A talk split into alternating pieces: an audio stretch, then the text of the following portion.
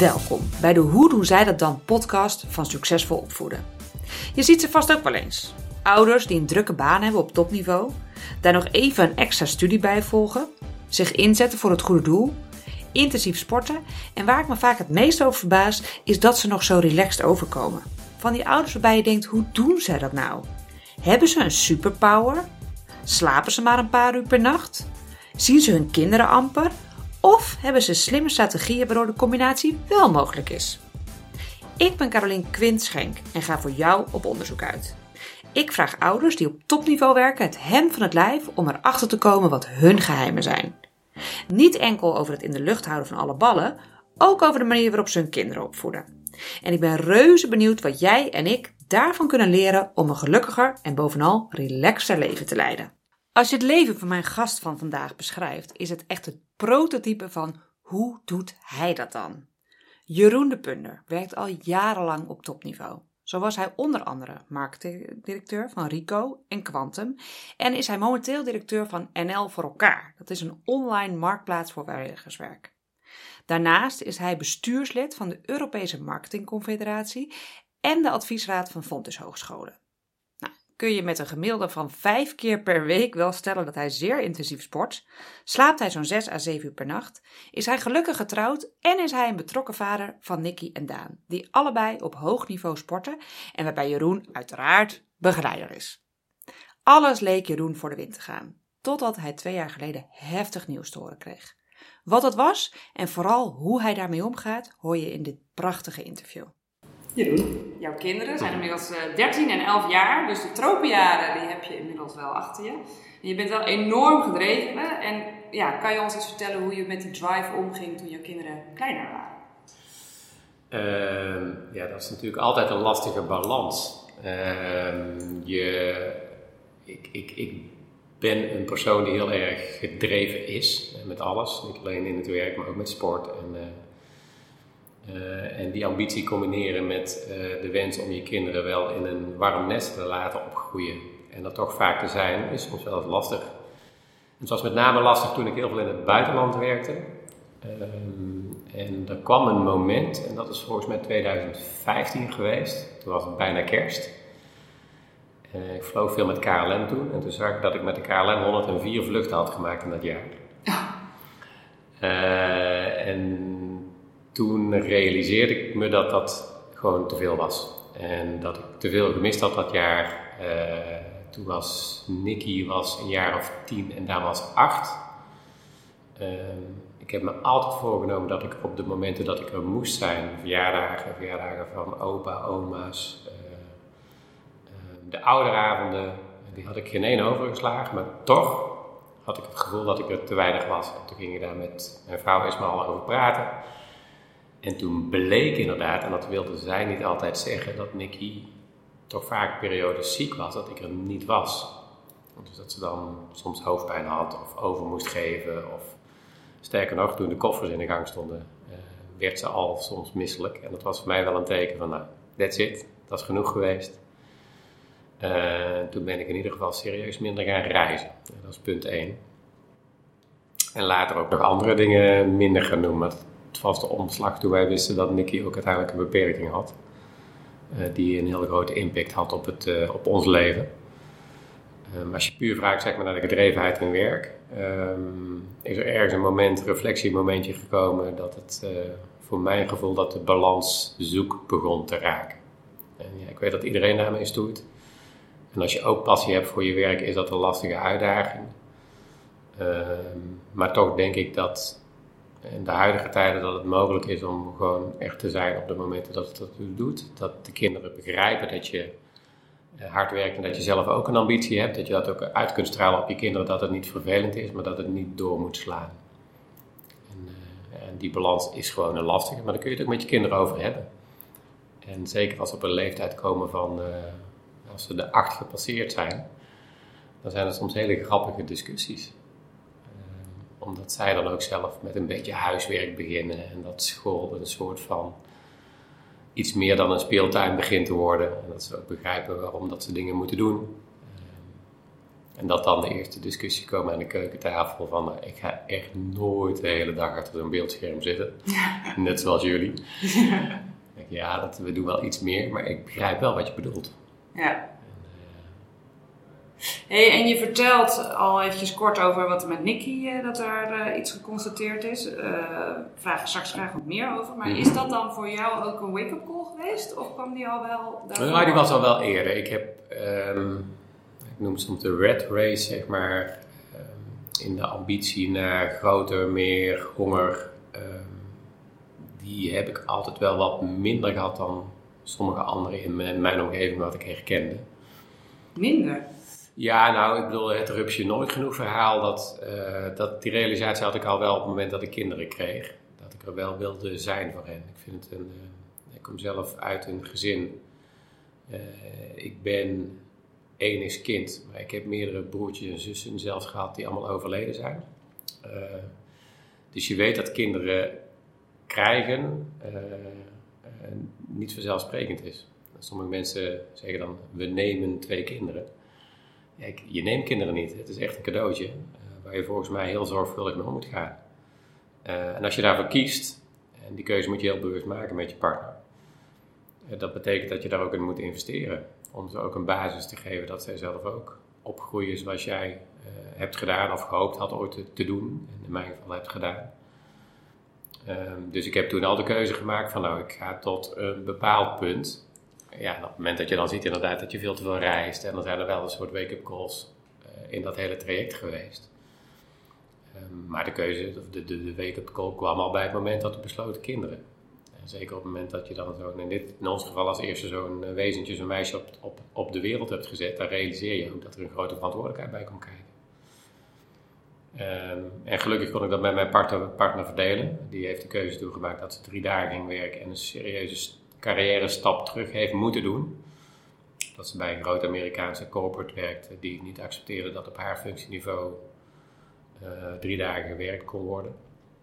Misschien ook wel begrijpelijk, hè, want een functie met verantwoordelijkheden en dergelijke is niet altijd handig dat je er twee dagen standaard niet bent. Um, en dan is een vierde dag meestal wel prettig. Uh, en toen dat eenmaal kon, toen de kinderen schoolgaand waren en ze de tijd zo kon indelen, Ehm, dat het wel mogelijk was, uh, heeft ze daar weer een stapje bij gedaan, waardoor ik toen op dat moment een stapje terug ben gaan doen. Dus we hebben dat altijd in overleg gedaan. Wat betekende dan concreet dat stapje terug? Hè? Want je zegt van, goh, weet je, dat, dat, dat, vliegen ben ik minder gaan doen. Maar zijn er ook, hè, want toen vertelde je dat Daan inmiddels acht was toen je dat besloot. Waren er daarvoor ook al Ja, nou, ik, ben, uh, ik heb in de directie gezeten van Rico. Rico is een bedrijf dat het op dat moment best lastig had. Rico is bekend van ICT-hardware, um, kopieermachines, faxen, printers. Dat was het beeld dat mensen bij Rico hadden. Groot bedrijf, um, ehm, 1500 medewerkers in die tijd. En uh, de omslag moest gemaakt worden naar een IT-bedrijf. Dus van het printen van dingen naar het document op de juiste plek. Dus dat kan ook op een beeldscherm zijn. Mm en die omslag betekende gewoon een, een, hele investering in een nieuwe strategie. Um, ik was marketingverantwoordelijk met een team in die tijd van 75 mensen. Uh, ja, dat betekent gewoon dat je uh, moet investeren daarin. Als je daar iets in wilt bereiken, en dan bedoel ik met name bereiken dat het bedrijf een transitie maakt. Uh, met een team dat je aan moet sturen. er zaten gelukkig nog wel een aantal mensen tussen. Dus dat je niet zeg maar een, uh, een span of control van 75 had. Maar onze vergaderingen begonnen daar om 8 uur s ochtends. Omdat het anders lastig gepland kon worden gedurende de dag. Omdat sales moesten ook weer de deur uit, omdat er veel klanten waren met vragen. En uh, ook vaak avondprogramma's. met, met, met klantontmoetingen, met dineetjes, met trainingen. Um, en dat bedoel ik ermee, dat, dat kost gewoon op dat moment een investering in tijd. En ik heb toen daarna, uh, dat was in 2011, uh, eh, daar ben ik mee gestopt. Uh, met die functie? Met die functie, ja. Om die reden dat ik dacht van ja, ik, als ik op dit niveau wil blijven, op dit niveau zeg maar in een corporate wil blijven presteren, met ehm, een afstand die ik moest bereizen ook nog om naar kantoor te komen. Want je moest toch vaak aanwezig zijn voor je meetings. Eh, en ook nog met avondprogramma's. En met soms wat reizen daarbij. Eh, daar heb ik toen afscheid van genomen. Maar niet zozeer op een heel veel lager niveau gaan werken, toch? Ja, dat, Maar misschien werkverkeer. dat, dat is misschien ook een beetje de schizofrenie. Ik heb altijd dan op het moment dat ik, op het moment dat ik daar dan afscheid van neem, het beeld van eh, nu ga ik het heel anders doen. Ehm, alleen ja, daar zit dan toch een soort van, wat ik zeg, het is het, het is Aard van het beestje. ja, de aard van het beestje. Ehm, zonder, zonder ehm, op dit moment zeg ik altijd, ehm, de club waar ik nu zit, en daar kom ik zo wel op, is combineren van doing good en doing business. Dat is eigenlijk het mooiste wat er is. Dat je dan eh, ook richting je kinderen elke dag kunt vertellen wat je doet met heel veel energie en trots. Eh, en ook voor jezelf een voorbeeld kunt zijn, want zo kan het dus ook. En als je dan hard werkt, heb je niet het idee dat je werkt naar iets waar je wat minder gevoel bij hebt. Ehm, en dan vind je het ook minder erg op het moment dat je s'avonds op de bank zit met je laptop naast je kinderen en ze vragen dan wat ben je aan het doen. Toen ik bij de grote corporate zat, kon ik eigenlijk helemaal niets uitleggen. Dan ben je heel veel mailtjes aan het wegwerken en dan ben je, ik noem het even, politiek aan het wegmanagen. Hè, om te zorgen dat mensen eh, op de juiste manier gepositioneerd werden richting de raad van bestuur en allerlei van dat soort En dat kon ik niet uitleggen. Ja. En nu ben ik dingen aan het doen die ik heel makkelijk kan uitleggen. Eh, en dat is zo verrijkend dat zij ook begrijpen wat je aan het doen bent. En dan hebben ze ook, heb ik veel meer rust, maar zij ook veel meer rust dat je daar met je laptop op de bank zit. En dan eh, vragen ze op het moment dat ze naar bed moeten, is het gelukt? En, En ook meer voldoening uithalen. en ook veel meer voldoening, absoluut.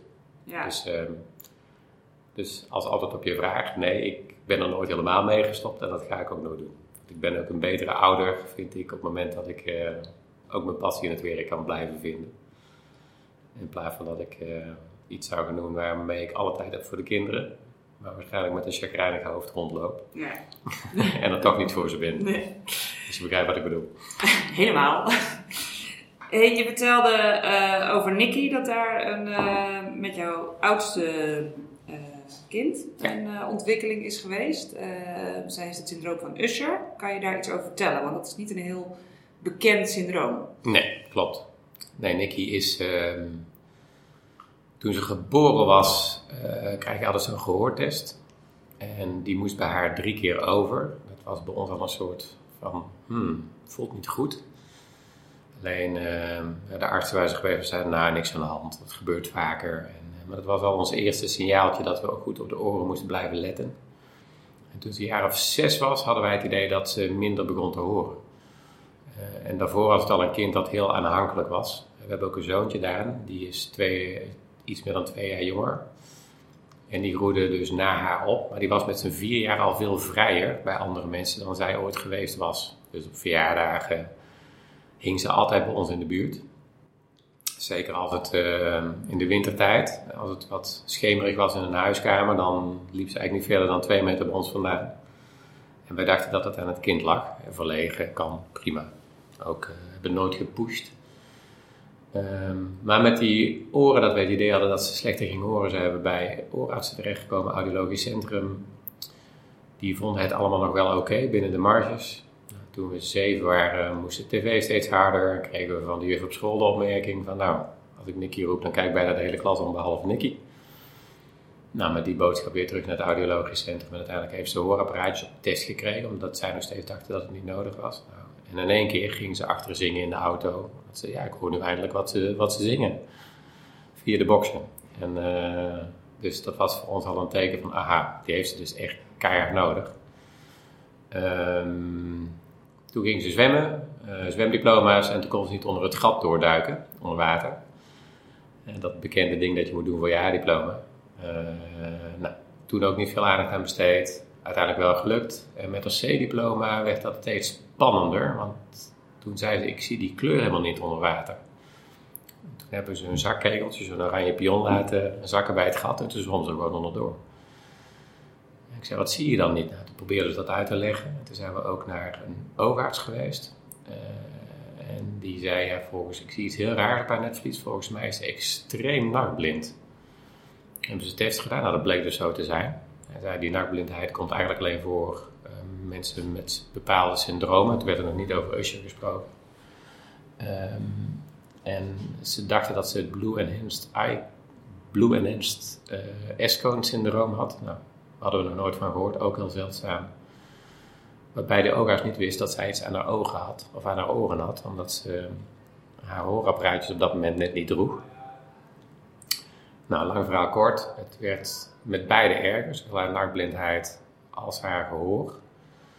En toen hebben we ehm, bijna twee jaar, tweeënhalf jaar geleden zijn we een traject gestart om uh, te kijken wat het dan zou kunnen zijn. Uh, met een koppeling van een audiologisch centrum, artsen in Nijmegen en, uh, en, toen was er al wel een verdenking van Usher.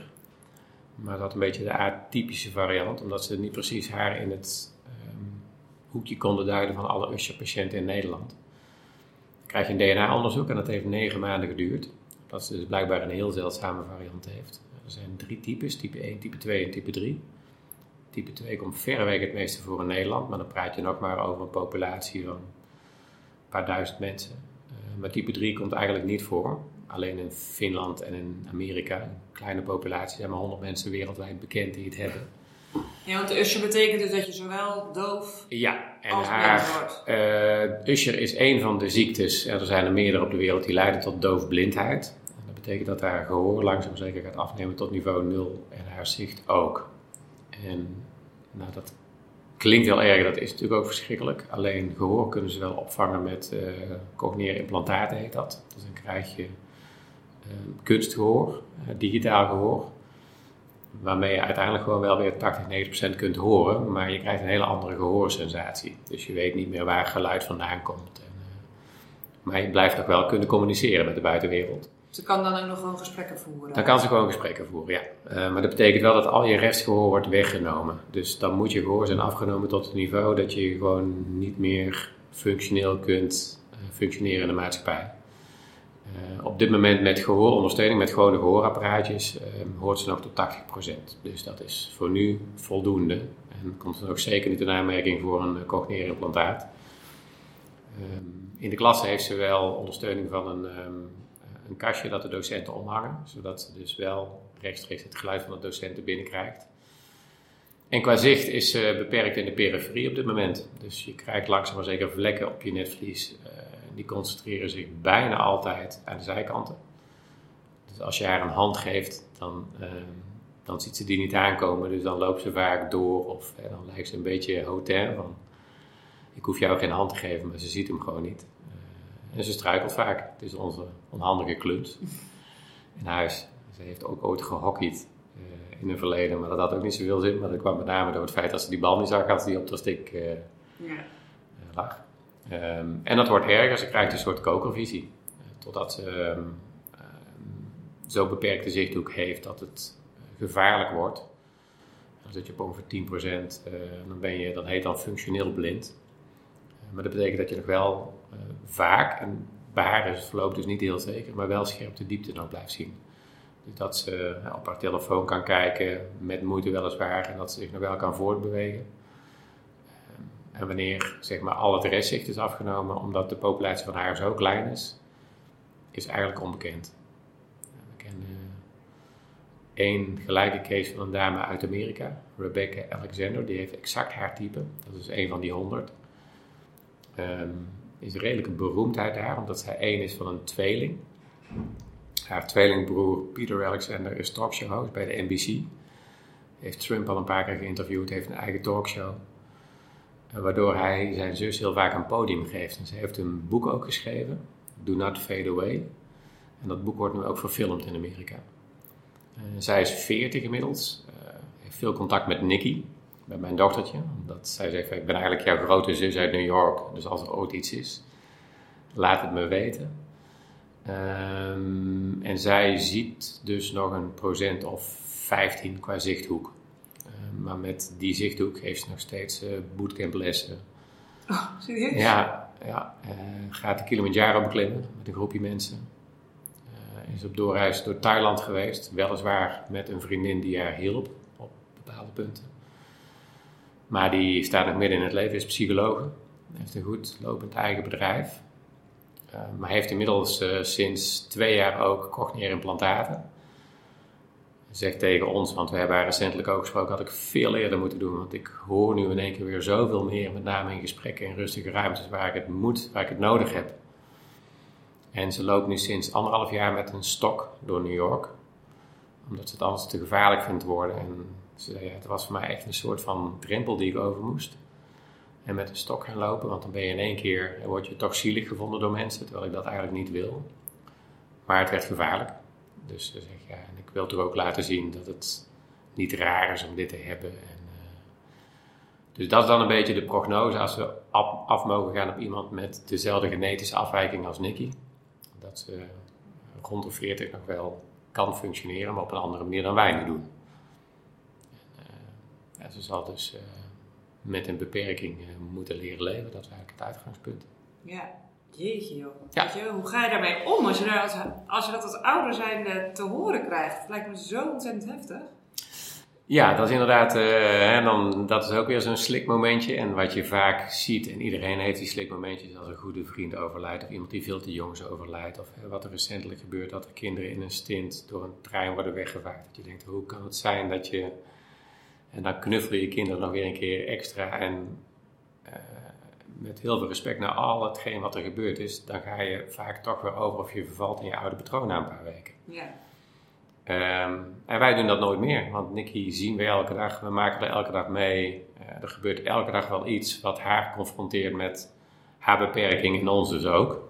En zolang ze nog uh, bij ons woont en voor een groot stukje afhankelijk is van ons, gelukkig.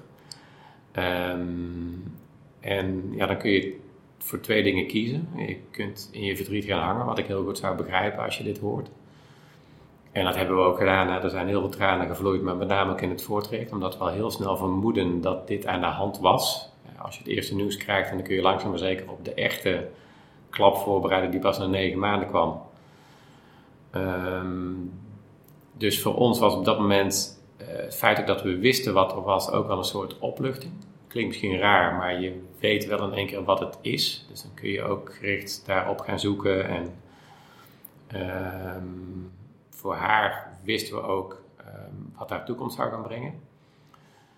Um, en we hebben ervoor gekozen om haar op te laten groeien uh, met de wetenschap dat je met een beperking ook nog heel betekenisvol kunt zijn. Of misschien juist wel meer dan zonder beperking. Uh, en dat het haar niet hoeft te belemmeren in alle dromen die ze heeft. Ze moeten wel realistisch zijn.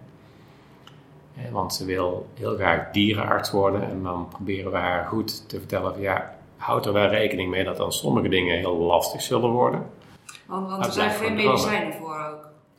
Nee, het is genetische afwijking. Um, dus er is iets in haar genpakketje verkeerd gegaan. En uh, dat betekent dat ze moet hopen op gentherapieën. Uh, een mutatie die ooit in genetisch materiaal nog gedaan zou kunnen worden.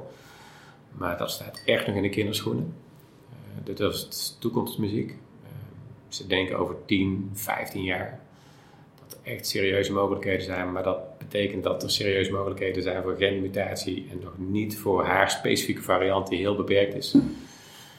dus elke farmaceut zal zich achter de oren krabben met een populatie van uh, ehm, 100 mensen die ze nu kennen in de database. Maar dat geldt niet voor alle Usher-patiënten, want er zijn er veel meer die type 1 of 2 hebben. En alles wat ze daarvoor doen betekent waarschijnlijk ook wel iets voor de variant van Nicky. Dat is het eerste stuk. Stamceltherapieën zijn uh, ontwikkelingen in.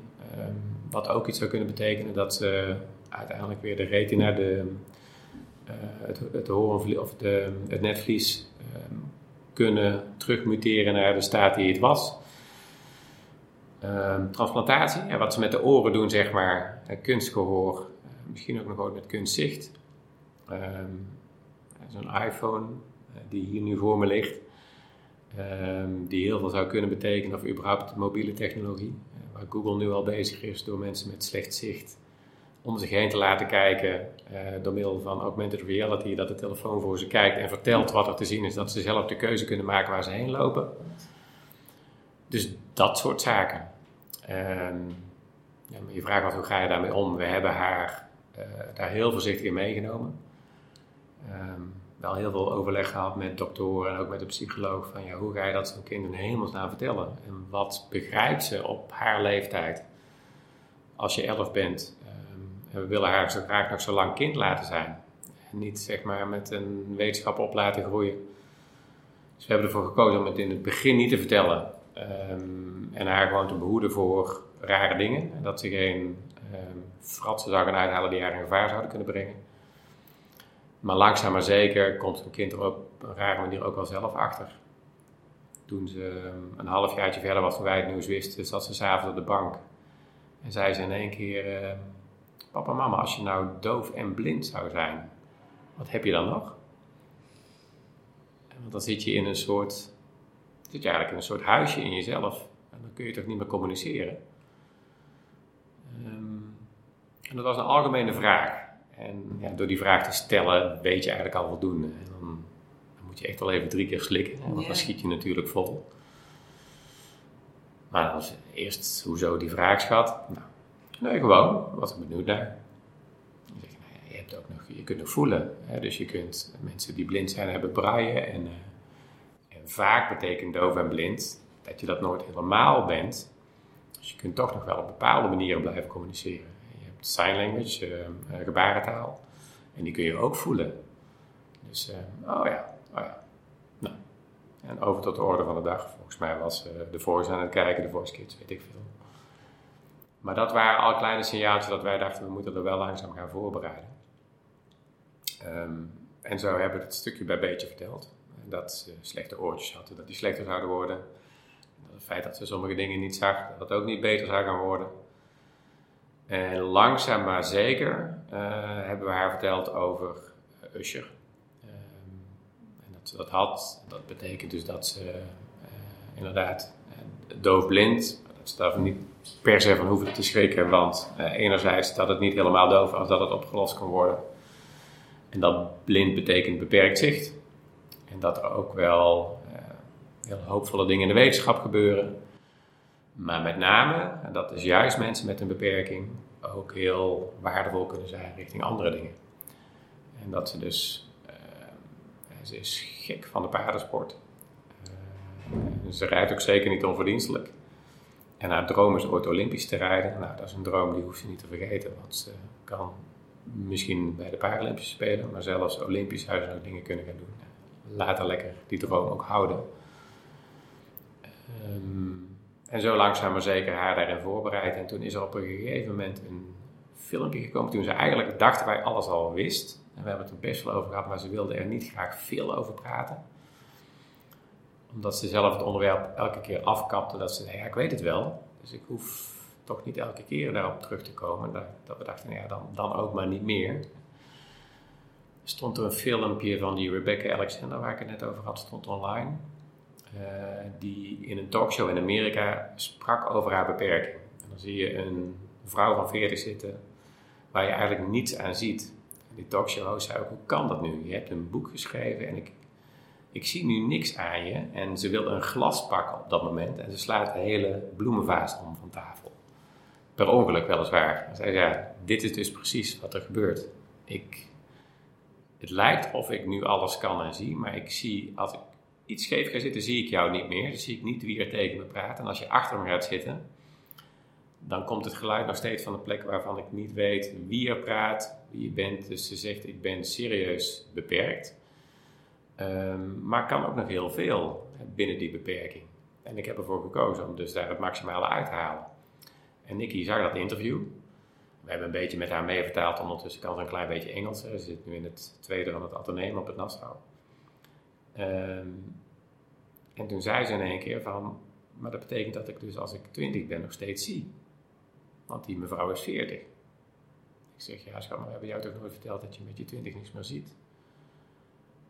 Maar dat betekent ook, zei ze, dat ik veel meer tijd heb om nog paard te rijden. Ja, maar hoezo dan? Nou, zei ze, ik dacht dat ik, ik ben elke dag aan het rekenen. Er zat een soort van kalender die ze bijna op de dag bijhield. Van met mijn twintigste ben ik blind. En dan heb ik dus nog uh, zes jaar, twintig dagen om op mijn droom uit te komen.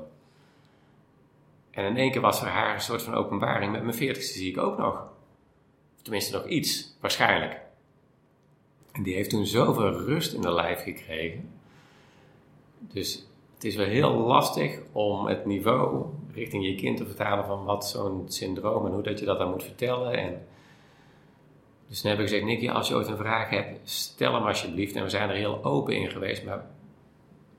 En toen kwam er ook al uit dat zij het richting ons ook wel lastig vond. Want zij wil het liefst dat ze ons ook geen verdriet doet met hetgeen wat ze tegenkomt. En ze is ook wel een kindje dat uh, uh, aardig gevonden wil worden, maar ook haar eigen ouders geen verdriet wil doen. Dus ze had het idee van als ik met al die problemen bij jullie kom, of met die gedachten.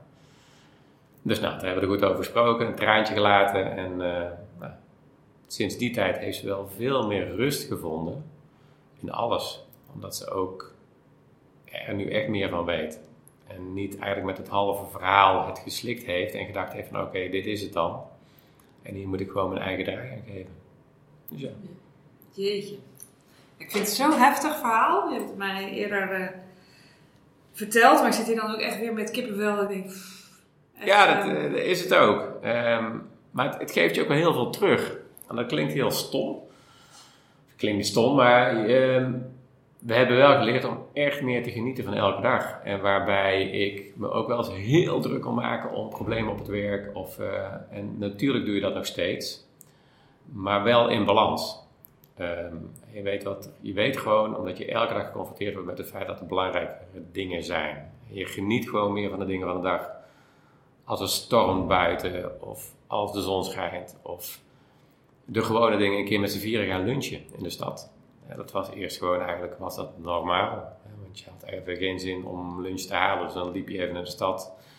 En dan ging je bij de bagels en beans. Maar dat zijn nu echt momentjes die je koestert, omdat je weet dat alles is vergankelijk. En, en dat soort dingen heeft ons. We hebben toen ook besloten, we gaan om het jaar een verre reis maken. Omdat we haar rugzakje willen vullen met heel veel herinneringen, uh, die ze later misschien op een ander moment moet ervaren of op een andere manier. Um, dus toen zijn we al twee keer, en ze wilde terug naar Azië omdat ze dat zo mooi vond. Ze zijn eerst naar Thailand geweest en uh, afgelopen jaar naar Bali. Uh, ook echt met rugzak en rondgereisd en haar laten ervaren wat een andere cultuur is. En ze laten ervaren, want er loopt er nog een rond. Nog een andere smurf die twee jaar jonger is. Die heel anders is. fysiek alles met zijn ogen en zijn oren. En uh, ook een gevoelsjongetje, uh, maar heel anders dan Nicky. En voor hem is het ook een soort van realisme van, oh. Nou ja, goed dat je hem erbij haalt. Want hoe zorg je, hè, en, en ehm, ook misschien daarmee ook een link naar wat ouders daarvan kunnen leren. Hè. Heel, gelukkig zijn er niet dus veel ouders die dit zullen luisteren, die ook een kind hebben met zoiets. Althans, mogen we hopen. Uh, maar wel natuurlijk met kinderen die op een andere manier een ongelijkheid hebben. Hè. Dat kan positief zijn dat er één kind bijvoorbeeld bekend is of beroemd is. Ja. Maar of een andere kind die een gedragsstoornis heeft of, uh, of een andere de ziekte, waardoor één kind eigenlijk op de, altijd meer aandacht vraagt. Hoe ga je daar mee om richting het andere kind? En wat kun je daar andere ouders daarvan leren, van jouw ervaring daarover?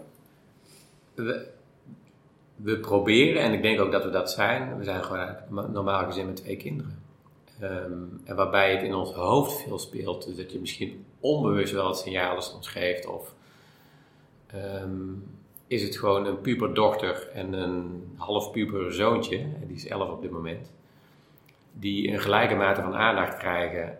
Um, een beetje typisch gezin. Esmeralda is met haar into de paarden. Dus dat zijn hun weekenden op het moment dat ze daar naartoe moeten. Ik, onze, onze Daan, voetbalt mega fanatiek. Voetbal is voor mij, ik ben leider van het team. Uh, doe wat meer taken binnen, dat, uh, binnen de voetbalvereniging. Um, en wij worden net zo boos op Nicky als op Daan op het moment dat er iets gebeurt, als ze iets laat vallen of, of we moeten zien dat het echt te maken heeft met het feit dat ze het niet gezien heeft.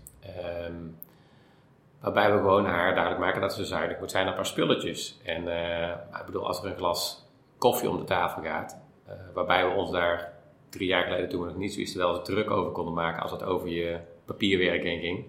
van let nou eens beter op. Zijn we daar nu überhaupt al gematigd erin geworden? Dat je denkt van ja, zo'n kind doet dat echt niet expres. Nee. Uh, maar dat doet Daan ook niet. Ja, die gaat geen, tenminste als je het wel expres zou doen, zie je dat ook wel of uit boosheid. Dan worden we boos, maar dan zouden we net zo boos worden op Nicky. En wat ze soms wel eens doet, en dat is gelukkig maar heel zelden, dat ze zegt van ja, maar dat heb ik toch niet gehoord tegen Daan. En gelukkig lees je je eigen kinderen wel heel goed. Dan zien wij echt wel, of we horen het wel, dat heeft ze of wel of niet gehoord. Als ze het niet gehoord heeft omdat het te maken heeft met haar beperking in gehoor, uh, dan hebben we daar alle begrip voor en Daan gelukkig ook. Uh, maar op een ander moment uh, krijgt ze dezelfde uh, reprimande als dat Daan zou krijgen. We hebben het daar echt wel vaker over gehad. Wat er wel is, moet ik heel eerlijk zeggen. Nikki, haar paardje is alles voor haar. Dat is een gevoelsdier, dus die, daar kan ze heel veel aan kwijt, ook in het paardrijden zelf. Um, waar Daan als sportvoetbal heeft gekozen. En daar is natuurlijk een grote ongelijkheid in. Ze heeft een, een, eigen paardje omdat het haar veel meer mogelijkheden geeft om te rijden. Uh, stallingskosten zijn altijd gigantisch. Je hebt een trailer nodig, wil je op wedstrijden. En daar krijg je een voetbalpakje, een voetbal en een contributie van de voetbalclub. Daar is ongelijkheid in. Maar gelukkig zien kinderen dat niet op dat niveau. Nee, ik. Uh, en dat hoeft ook niet. En dat, uh, dat leggen we ze wel eens uit. Dat ze allebei een sport mogen kiezen. Eén sport die ze heel graag doen. Uh, en daar zijn ze ook allebei tevreden mee. dus daar hebben wij samen veel gesprekken over, Esmeralda en ik. Om in ieder geval één keer in de maand gebeurt het wel dat ze naar bed zijn. Dan gaat er een, of een wijntje of een koffie op tafel. En dan zeggen we, ja, hoe is het de afgelopen maand gegaan? En zien wij rare dingen erin gebeuren? Of uh, hebben we het idee dat, um, ik denk oprecht, dat ze allebei echt evenveel aandacht krijgen. En hebben we gelukkig, de tweede is er ook een die echt de aandacht opeist. Um, dat is een heel aanwezig persoontje. Um, dus die krijgt automatisch al veel meer aandacht, omdat we al moeten zeggen, Daan, even rustig. Ja, je hebt nu genoeg het woord gehad, nu mag Nicky ook iets zeggen. En dus, dus het is eigenlijk bijna andersom. Altijd al geweest. Dus misschien is juist omdat ze nu wat bijzonderder is geworden met haar beperking, de balans iets meer terug. Okay. uh, en hoe dat, dat dan voor andere ouders werkt of uh, adviezen daarin. Ik zou zeggen, thuis is wat dat betreft eigenlijk uh, normaal, normaal voor ons de norm. En als de een iets heel bijzonders doet, uh, dan wordt thuis ook normaal mee omgegaan. Dan wordt, Nicky is vorig jaar met springen vijfde van Nederland geworden. En dat is echt een heel bijzondere prestatie. Uh, maar die wordt thuis wel gewoon genormeerd. Als Daan dan, ze heeft, hadden het laatst geteld, meer dan 50 bekers van paardrijden. En, en, en bij voetbal krijg je bijna geen prijzen. Maar we zijn net zo trots op het moment dat er een wedstrijd gewonnen is. dus dat doen we dan op hetzelfde level van trots, zeg maar, als dat iemand met een beker thuis komt.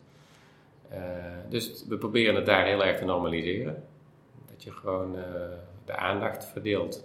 En dat is af en toe wel even herijken. En dat zijn dingen waar je het met elkaar over hebt. En soms ook elkaar corrigeren. Uh, Esmeralda is toevallig gisteren met Daan kleertjes gaan kopen. Dat vindt hij heel gaaf om dat samen met zijn moeder te doen. En daar maakt ze dan gewoon tijd voor. En dan zit Nicky had, heeft binnenkort proefwerkweek. En zegt ze, Nicky, jij blijft even twee uur thuis. Ik ga met Daan even de winkelen. En uh, aandacht verdelen. Ja. Ja, nou ja, en uh, mooi hoe je dat zegt. Ook dat je zegt van we, we pakken één keer per maand wel een moment om het daar samen met elkaar Ja. over te hebben. Dus, eh, want, want plan je dat heel bewust, hè? Want eh, wij zijn daar ook enorm voorstander van, eh Dood en ik, om daar, ja, weet je, anders kom je toch weer in de drukte van het leven en gaat het maar weer door.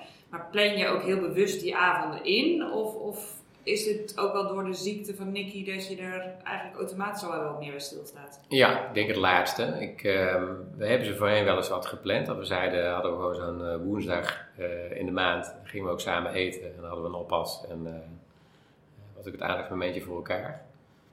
Ehm, nu met Nicky hebben we ook sowieso wat meer thuismomenten. En dat is eigenlijk ook gewoon super gezellig. Dat we gewoon een tv-programma als met Dance Dance Dance vinden ze allebei super leuk om te kijken. En dan maken we er ook een avond van. Dus dan gaat, gaan er hapjes op tafel. En, eh, dan wordt, zit iedereen ook echt op de bank geïnstalleerd. Dan laten we bewust ook de reclamemomenten echt tussen zitten. Omdat je dan weer even vijf of tien minuten de tijd hebt om met elkaar te kletsen. En als de kinderen dan naar bed zijn, dan, uh, dan zijn dat vaak de momenten dat we met elkaar nog even na zitten. Um, dus we hebben die momenten nu niet meer nodig. Nee. Omdat je er al genoeg over spreekt en dan komen dit soort reflecties altijd wel voorbij. Um, dus ja, als je dan over voordeel kunt noemen. Nou ja, het klinkt bijna alsof het ook wel heel, ja, of met name dat het heel veel moois heeft geleverd. Nou, ik ben echt anders in het leven komen staan. ja. En uh, het feit dat je dus dit kunt meegeven ook aan anderen. Uh, aanstaande zondag is er een loop in Breda, de 40 van Breda. Uh, de singelloop is een bekende loop in Breda, 15, halve marathon en de familieloop.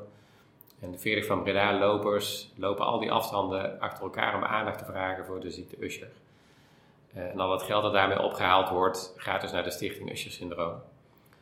Um, en afgelopen vrijdag belde de BN Stem, de van West-Brabant, of ze een artikel mochten schrijven over de reden waarom ik meeliep.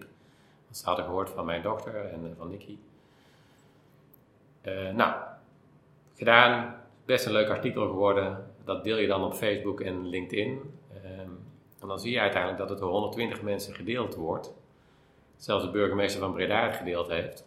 Uh, en dat er in 24 uur tijd 148 donaties zijn gedaan aan de stichting. En met name de reacties die je krijgt van de mensen, dat er een soort van bewustwording optreedt, precies waar jij het over had.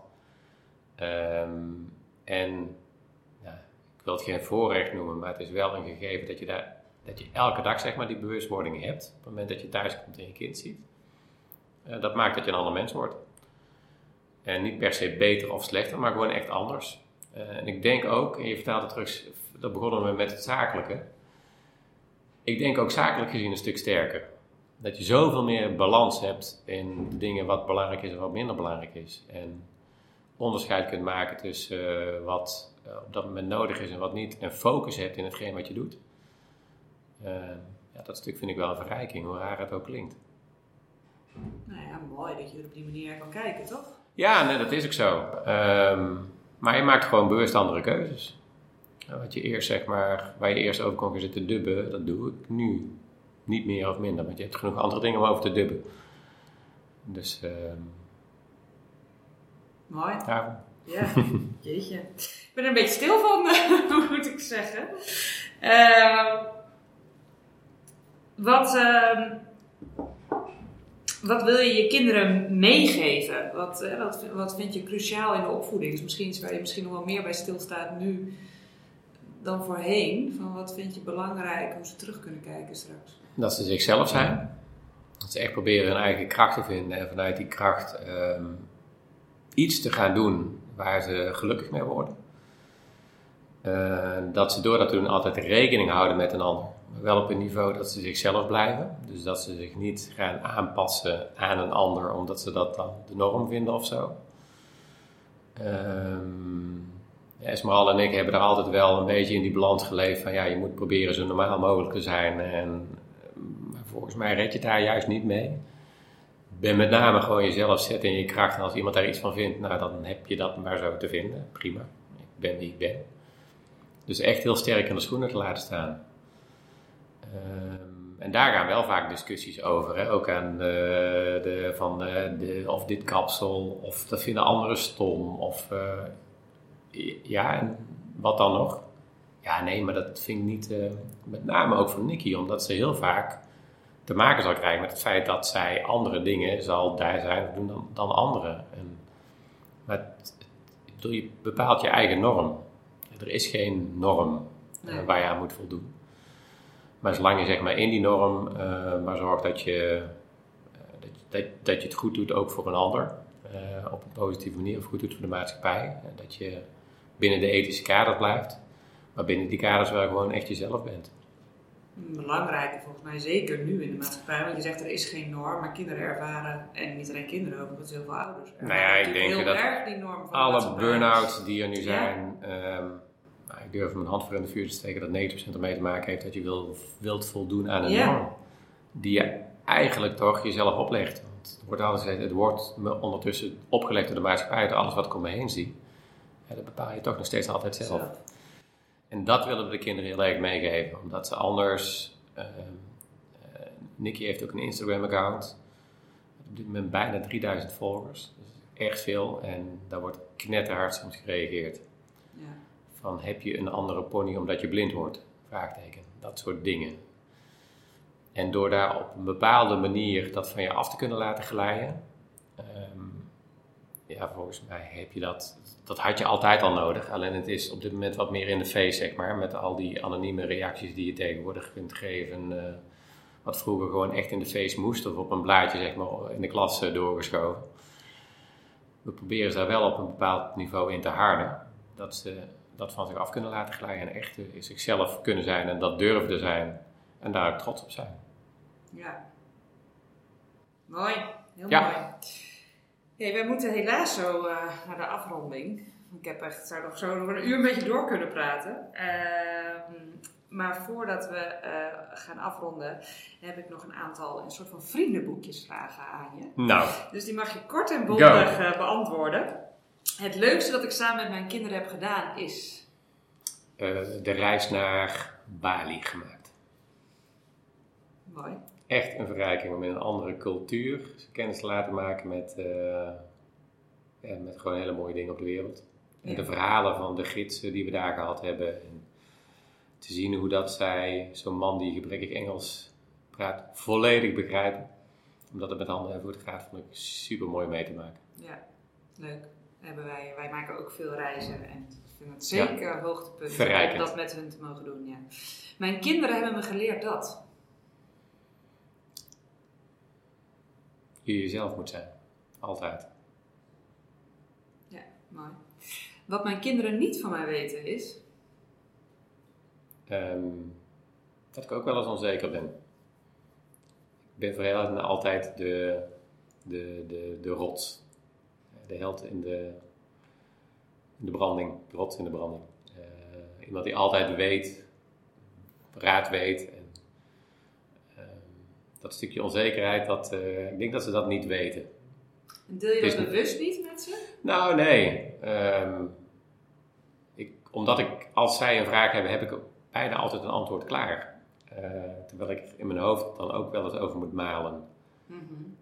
Eh, en die onzekerheid in de opvoeding, die. eh, nee, deed ik misschien nog niet genoeg. Zou, op, zou dadelijk best wel wat meer kunnen. Ja. Ik zeg, die discussies ontstaan nu wel. En nu ze op deze leeftijd zijn, dat je ook wel eens kunt zeggen: ja, ik weet het ook niet. Denk eens even mee. ja. Ik denk dat ze dat niet weten. Nee. Als je het zo op de mannen vraagt, dan is dat hetgeen wat ze niet weten. Mijn grootste opvoedblunder. Als die er is, hè? Ja, iedereen heeft het toch, denk ik. Oh, mijn grootste opvoedblunder, je frustratie van je werk meenemen naar huis en dan eh, heel boos worden om iets wat nergens op slaat. Dat je denkt van, oh. Ehm, misschien nog wel mijn grootste opvoedblunder is dat ik toch regelmatig terugpak van papa vroeger. Waar ik zo'n hekel aan had als mijn ouders dat vroeger tegen me zeiden. Ja. Dat ik zei, ja, vroeger zat jij in de kelder met steenkolen om je heen. We slaan er daar weer op, bij wijze van spreken. Heb jezelf nu al gezegd, ja, vroeger moest ik 20 kilometer naar school fietsen. Ja. Wat zeur je nu over anderhalf kilometer? Ik, en ik hoor mezelf zeggen en ik denk, oh, dit slaat echt nergens op. Ja. maar die doe ik regelmatig, dus dat zijn blunders. Ja. ja. Eh, ik krijg de slappe lach van. Ehm, of- Oeh. Ik krijg een slappe lach van... Pas. Pas. van heel veel dingen. En de ja, heel goed. Ja. Ik zou best graag een dagje willen ruilen met. Ehm, ik zou best graag een dagje willen ruilen met Elon Musk. Ja. Omdat ik het, ik vind het een hele fascinerende man. Ik, ik had er eerst een fascinatie door, omdat ik erdoor getriggerd was, hoe dat hij disruptief kon zijn met al zijn dingen die hij doet. Dus echt, echt bijna het omdenken eh, in bedrijven. En ik vind het nu op sommige punten zo'n flopdrol geworden, megalomaan in zijn denkbeelden, buiten hetgeen wat realistisch is. En hij slaat ook door dat ik hem gewoon eens een dagje wil ruilen van hoe dat, dat nu, waar die twist nu in gekomen is. Eh, natuurlijk, ja, het lijkt me fantastisch om een keer zo'n op die positie te staan. Ehm, met, met super mooie innovaties. En eigenlijk doen we dat nu al in een mini hoor, waar ik nu mee bezig ben. Met 45 uh, platformen en al voor elkaar met uh, Doing Good, dat uiteindelijk proberen naar het buitenland toe te halen. Um, maar dat in het maxi doen op zijn niveau, nou, ik zou best wel een dagje willen ruimen. Ja. Hey, nog heel even, want je had het nu aan, hè, dat NL voor elkaar. Uh, want daar ben jij momenteel directeur van. Ja. Sinds? Sinds 1 november vorig jaar. En dat is uh, wel mede doordat Nicky deze beperking heeft. Toen dat ons te oren kwam, zei ik al, hebben wij gezegd van nou, we gaan haar opvoeden vanuit het fundament dat je met een beperking heel betekenisvol kunt zijn. Kijk je ook jezelf in de spiegel van hoe betekenisvol ben ik? Uh, en ik heb altijd wel zaken opgezocht. Hè. Bij Rico uh, had ik ook in de portefeuille het stukje uh, doing good vanuit de corporate. Ik dacht, hoe gaaf zou het zijn als je daar uiteindelijk je werk van kon maken. En ook vanuit een stukje business. Hè. Wel de driver in. En toen kwam ik wat apps tegen, onder andere Be My Eyes. Dat is een app die over de as van de camera op dit moment 600.000 vrijwilligers met 60.000 slechtziende mensen verbindt. Die als ze bij een bushalte staan en ze zien de tijden niet, de camera kunnen activeren en peer-to-peer iemand op kunnen roepen. Om zodoende mee te lezen wat de bustijden zijn. Of als ze denken dat het pak melk bedorven is. Toen dacht ik, nou, combinatie techniek, doing good, mensen verenigen. Hoe gaaf is dat? En in die zoektocht kwam ik terecht bij een aantal social enterprises. Dat zijn er 300 in Nederland. Die wel vanuit een BV-vorm opgericht hebben, maar in de statuten hebben dat ze met name het maatschappelijk belang voorop hebben staan. Maar dat winst maken niet vies is over die as, omdat ze met name geloven in het feit dat je met uh, Doing Good ook gewoon business kunt maken op een goede, positieve manier. Er zijn er dus 300, uh, Tony Chocoloni is er daar een van. Um, en dat had ik een bedrijf in Breda. Dat was een social enterprise, die heette Social Care Network en die hadden 45 platformen, waaronder NL voor elkaar en Young Impact. Young Impact zorgt iemand voor de marketing denktank. Zij verenigen jongeren om iets goeds te doen middels een challenge op dat moment al 25.000 jongeren gechallenged. Uh, ik ben in gesprek geraakt met de eigenaar-directeur en die zei ja, en al voor elkaar Jong Impact worden zulke grote clubs, ik wil ze gaan splitsen. Dus ik zoek een directeur voor, het heet Social Care Network, bekendste platform en al voor elkaar voor dat platform, voor die club. Um, er zaten tien, inmiddels dertien um, hele enthousiaste mensen uh, die aangestuurd moeten worden. En ik wil die club gewoon een stap verder brengen. Wil jij dat doen? Klonk me op dat moment als muziek in de oren. Dus uh, um, het andere zakelijke leventje verruild uh, voor dit. Uh, nog steeds mega zakelijk. We zijn in gesprek met corporates om hun doing good vorm te geven. Met Philips, met Randstad, met Young Capital. Om medewerkers te betrekken bij het goed doen en onze database te gebruiken als instroom in hun intranet. Om zo mensen te gaan koppelen. Um, we doen overnames van andere partijen. We hebben te maken met uh, de nieuwe GDPR, AVG, omdat we 67.000 mensen op ons platform hebben met een hulpvraag. Uh, met ministeries van VWS, zelfs tot aan de minister met Hugo de Jonge discussies over hoe dat Nederland op een andere manier ingericht zou kunnen worden. Dus uh, elke dag met heel veel energie bezig. En dat heeft ook te maken met het feit dat Nicky dit heeft. Dus het brengt je ook op andere plekken. Ja. Hey, maar uh, alsnog niet een, een, hele rustige baan, denk ik. Hoe zorg jij met al je dingen, want je zegt al inderdaad, ja. 40 van Breda uh, lopen, 40 kilometer, gewoon bijna een hele marathon. Uh, hoe hou je je energie hoog? Door gewoon de dingen te doen waar je in je kracht staat. en je daar goed bij voelen. En dan kun je echt wel bakens verzetten. Ik ben iemand, want je vroeg het voor het interview, over slaap je 7 uur? Als ik echt achter de oren krappen zijn het dan meestal maar 6. Um, en dat komt omdat ik ook de energie overdag heb, waardoor ik s'avonds niet zoveel slaap nodig heb. Je bent niet mentaal, je bent wel mentaal moe van het denken, maar niet van het feit dat je burn-out-achtig uitgeput bent. En daar kun je echt heel moe van zijn. Want ik heb ook wel van een, een stresslevel geleefd dat je echt serieus moe bent. Maar dan is je dag in keer wel heel lang. dus ik loop vaak en ik sport vaak s'avonds laat of s ochtends heel vroeg. Dus nou, dat, die kun je al wegstrepen. Um, dit is een club met die 13 mensen. We hebben op dinsdag een dag, daar zijn we allemaal op kantoor. Dan zorgen we dat we alle face-to-face meetings gepland hebben. En de rest van de week mag iedereen op zijn hoofd gaan staan, thuis waar hij dan ook wil, want iedereen weet wat zijn doelstelling is. En rapporteert daar de week later over terug met een stand-up op dinsdagochtend. Waardoor het kantoor toch best vaak gevuld is, omdat het gewoon een prettige omgeving is. Um, maar ik ben dus niet verplicht om hier te zijn. Dus als het ooit nodig is dat je thuis bent, omdat er iemand thuis aankomt waar je of een proefwerkweek heeft, waardoor je even een kopje thee wil drinken, kan dat gewoon. Ja.